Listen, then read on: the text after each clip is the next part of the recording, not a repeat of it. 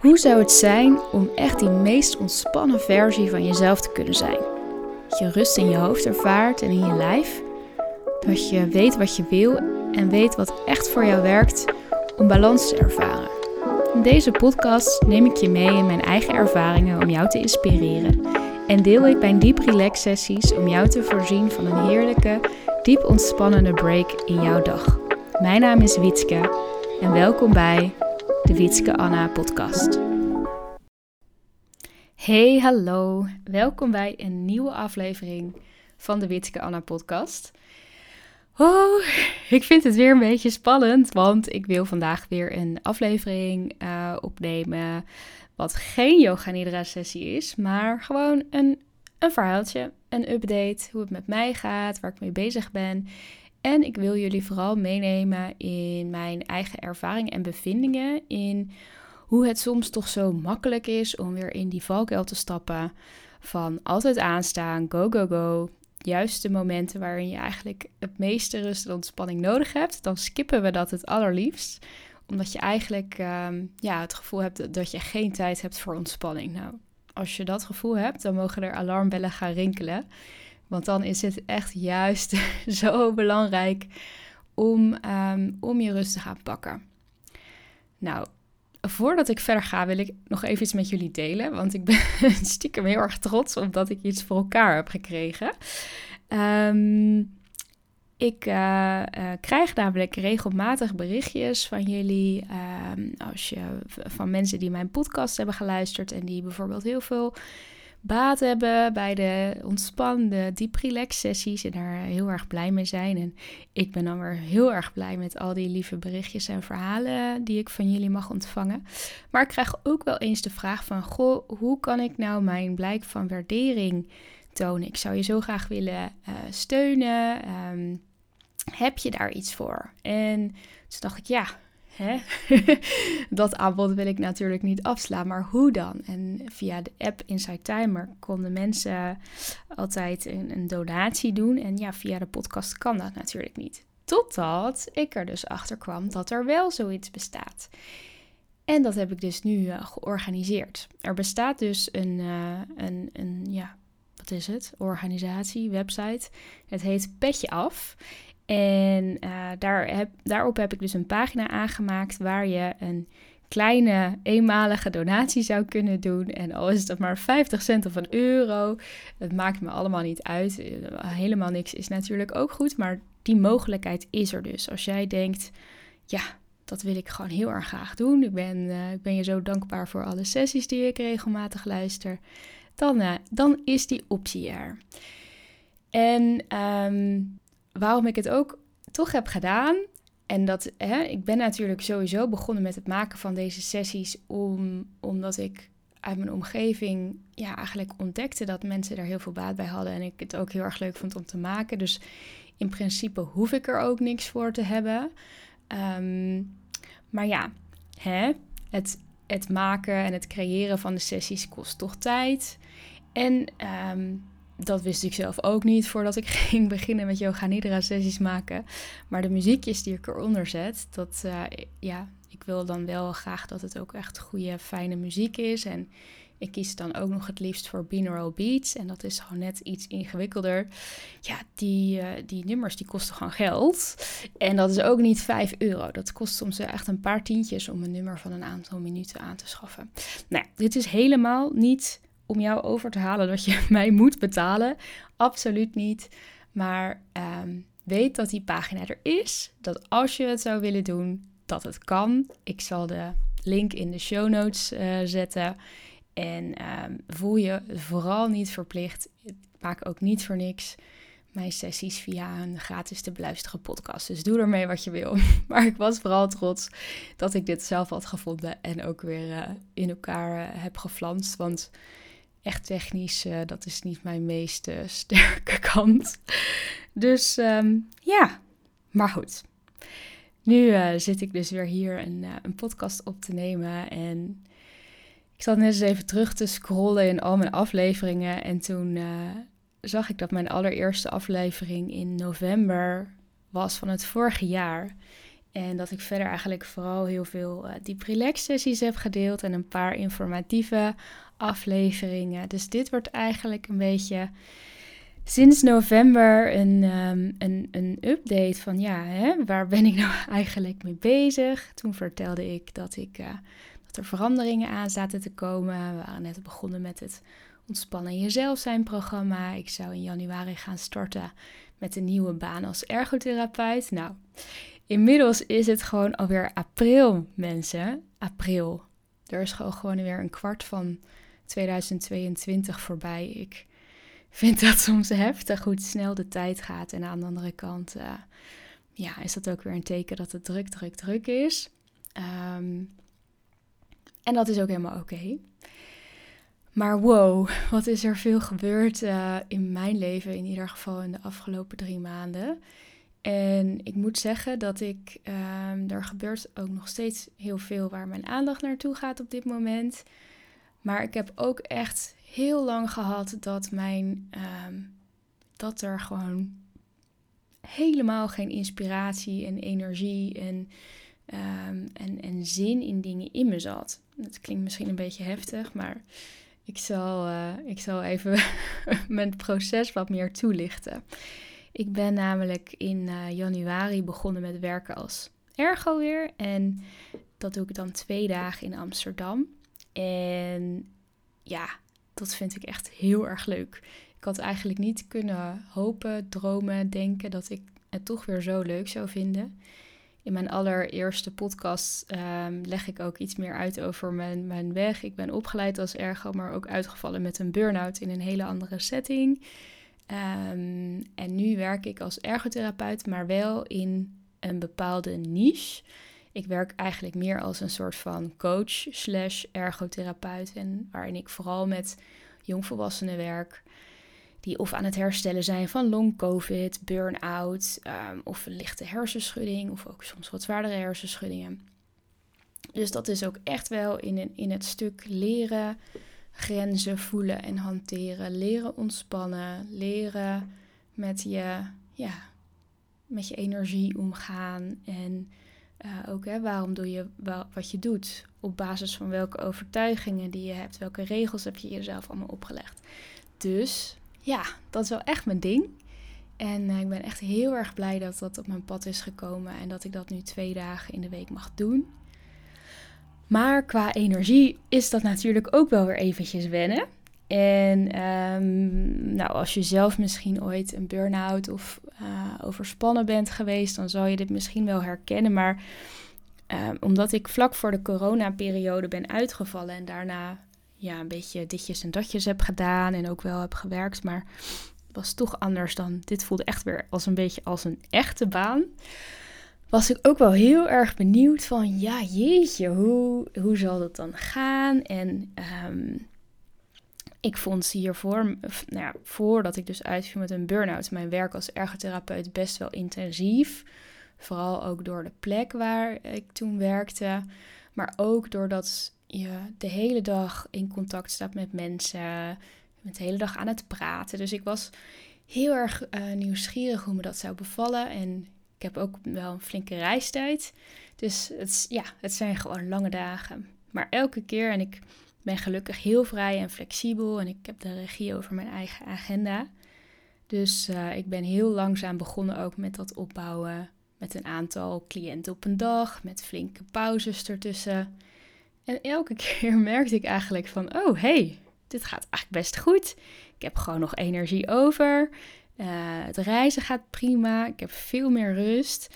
En, um, en elke keer kon ik er gewoon toch een beetje bij doen. En nu, uh, nu kan ik gewoon echt, nu draai ik gewoon twee volledige lange dagen. En uh, ja, daar ben ik heel blij mee. Ik ben wel blij dat, het, dat dit twee dagen in de week zijn. Ik weet gewoon inmiddels dat ik er gewoon niet voor gemaakt ben om, om fulltime van maandag tot en met vrijdag van 9 tot 5 dagelijks alleen maar um, uh, therapeut te spelen of mensen te behandelen, continu aan te staan. Dus ik ben echt heel blij. Ik werk op de dinsdag en de donderdag, dus die verdeling is echt top. En um, ja, dus nou ja, nieuwe baan kost natuurlijk ook altijd tijd om eventjes in te werken en aan alles te wennen. En ja, het is hartstikke leuk en leuke collega's. En daarnaast ja, hebben we in de afgelopen maanden heel leuke ervaring opgedaan door het Ontspannen Jezelf zijn programma te draaien. Dat heb ik samen met Mel, uh, Mel gedaan. Een hele leuke groep begeleid. En dat is gewoon ook inmiddels alweer afgerond. En ja, daar heb ik echt heel veel plezier in gehad. Heel veel van geleerd. En daarna kwam een heel proces. Want um, Mel en ik hebben elkaar een aantal jaar leren, geleden leren kennen. En ja, dat we gingen samenwerken, dat ontstond eigenlijk heel organisch. En klopte helemaal. Ehm, en we hebben ook heel vaak aan elkaar gevraagd van ja, waarom doen we dit nou eigenlijk samen? En ehm, is dat nou uit angst, omdat we bang zijn dat we iets niet alleen durven of kunnen?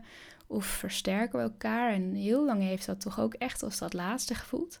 En ineens na die eerste ronde, toen voelden we zo erg de druk voor het, uh, ja, het lanceren van de tweede ronde.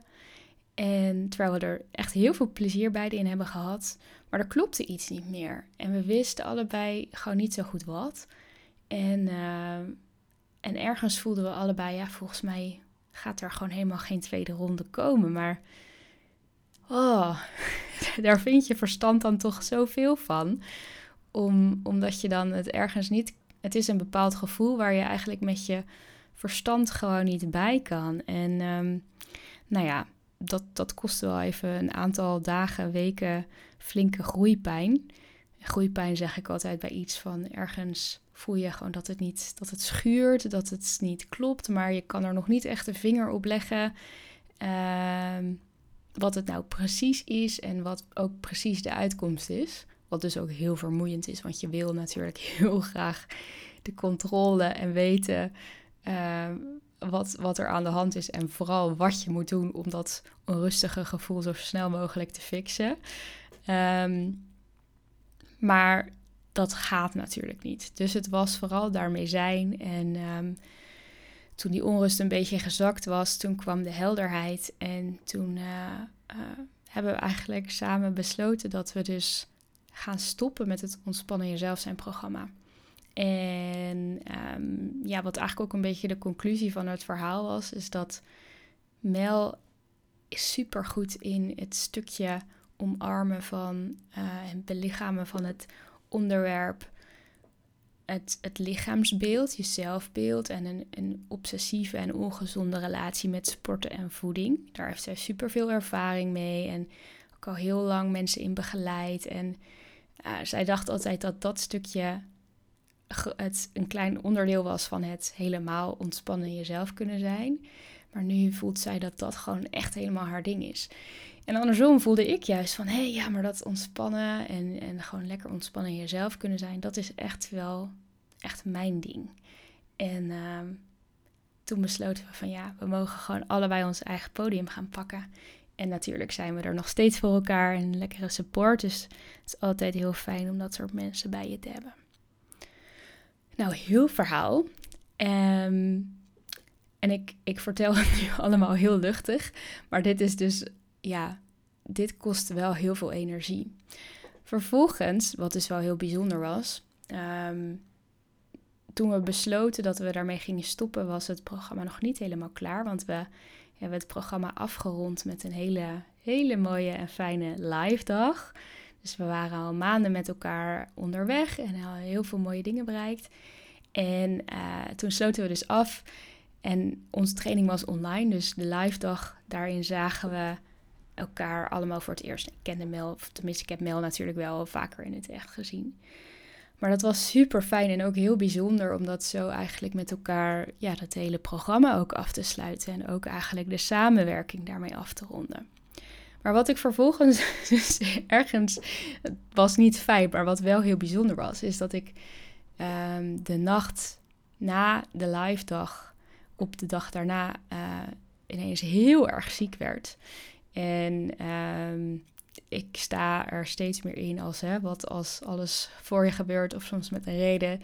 Uh, voelde het echt als let shit go. Het was daarvoor zulke onrustige weken gehad met, oh, wat moet ik nou? En nee, ik wil het niet, het programma loslaten. Maar ik weet wel ergens diep in mijn tenen, of tenminste, ik voel tot diep in mijn tenen dat dat wel de bedoeling is. Ehm, en toen we dus helemaal hadden afgerond, toen werd ik ziek. Alsof toen echt alle shit eruit kwam. Eerst dacht ik gewoon griep.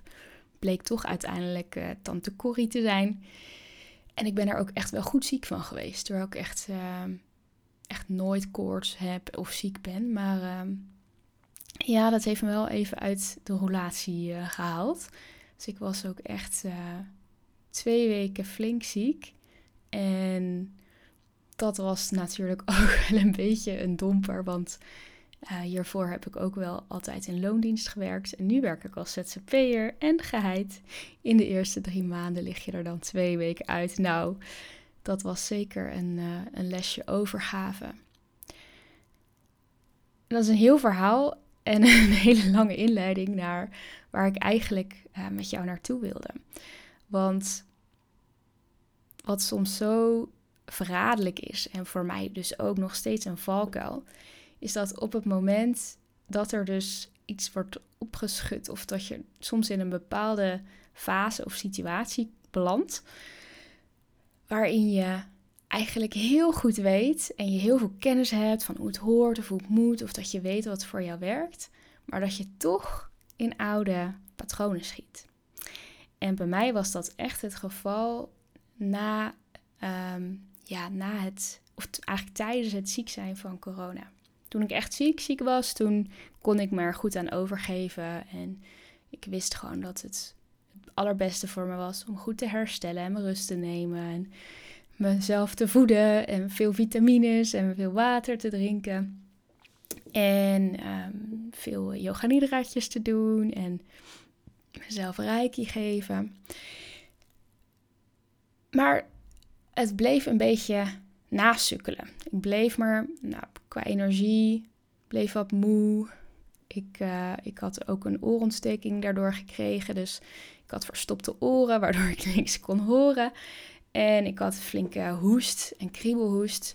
Dus echt het geven van, uh, van, van sessies en voor mij werken was best wel lastig. Maar ergens wilde mijn ego wilde gewoon heel graag weer aan de slag. En hup, hup. Uh, ik heb geen zin om niks te doen. En dus ineens al mijn, al mijn dingen die ik altijd iedereen teach, ook mijn cliënten bij de ergotherapie en mijn eigen klanten, uh, dit moest ik nu ook ineens zelf in wat meer extreme vorm gaan toepassen. En uh, dat was best confronterend, kan ik je vertellen.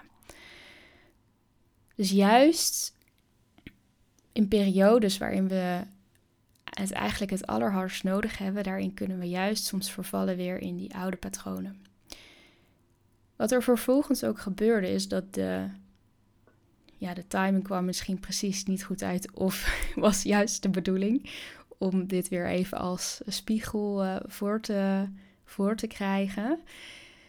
Um, is dat, er dat ik me had, ik had mijn tijd geleden ingeschreven voor een, een uh, opleiding de Acceptance and Commitment Therapy Act heet het ook wel. En dat begon precies de week uh, nadat ik ziek was geweest. Dus dat was, is best intensief, want dat is ook weer twee ochtenden.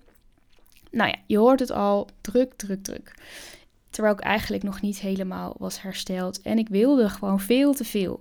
Ik wilde en de opleiding. En er zat nog best ook wel wat voorbereidingstijd aan. En dus twee lange dagen werken.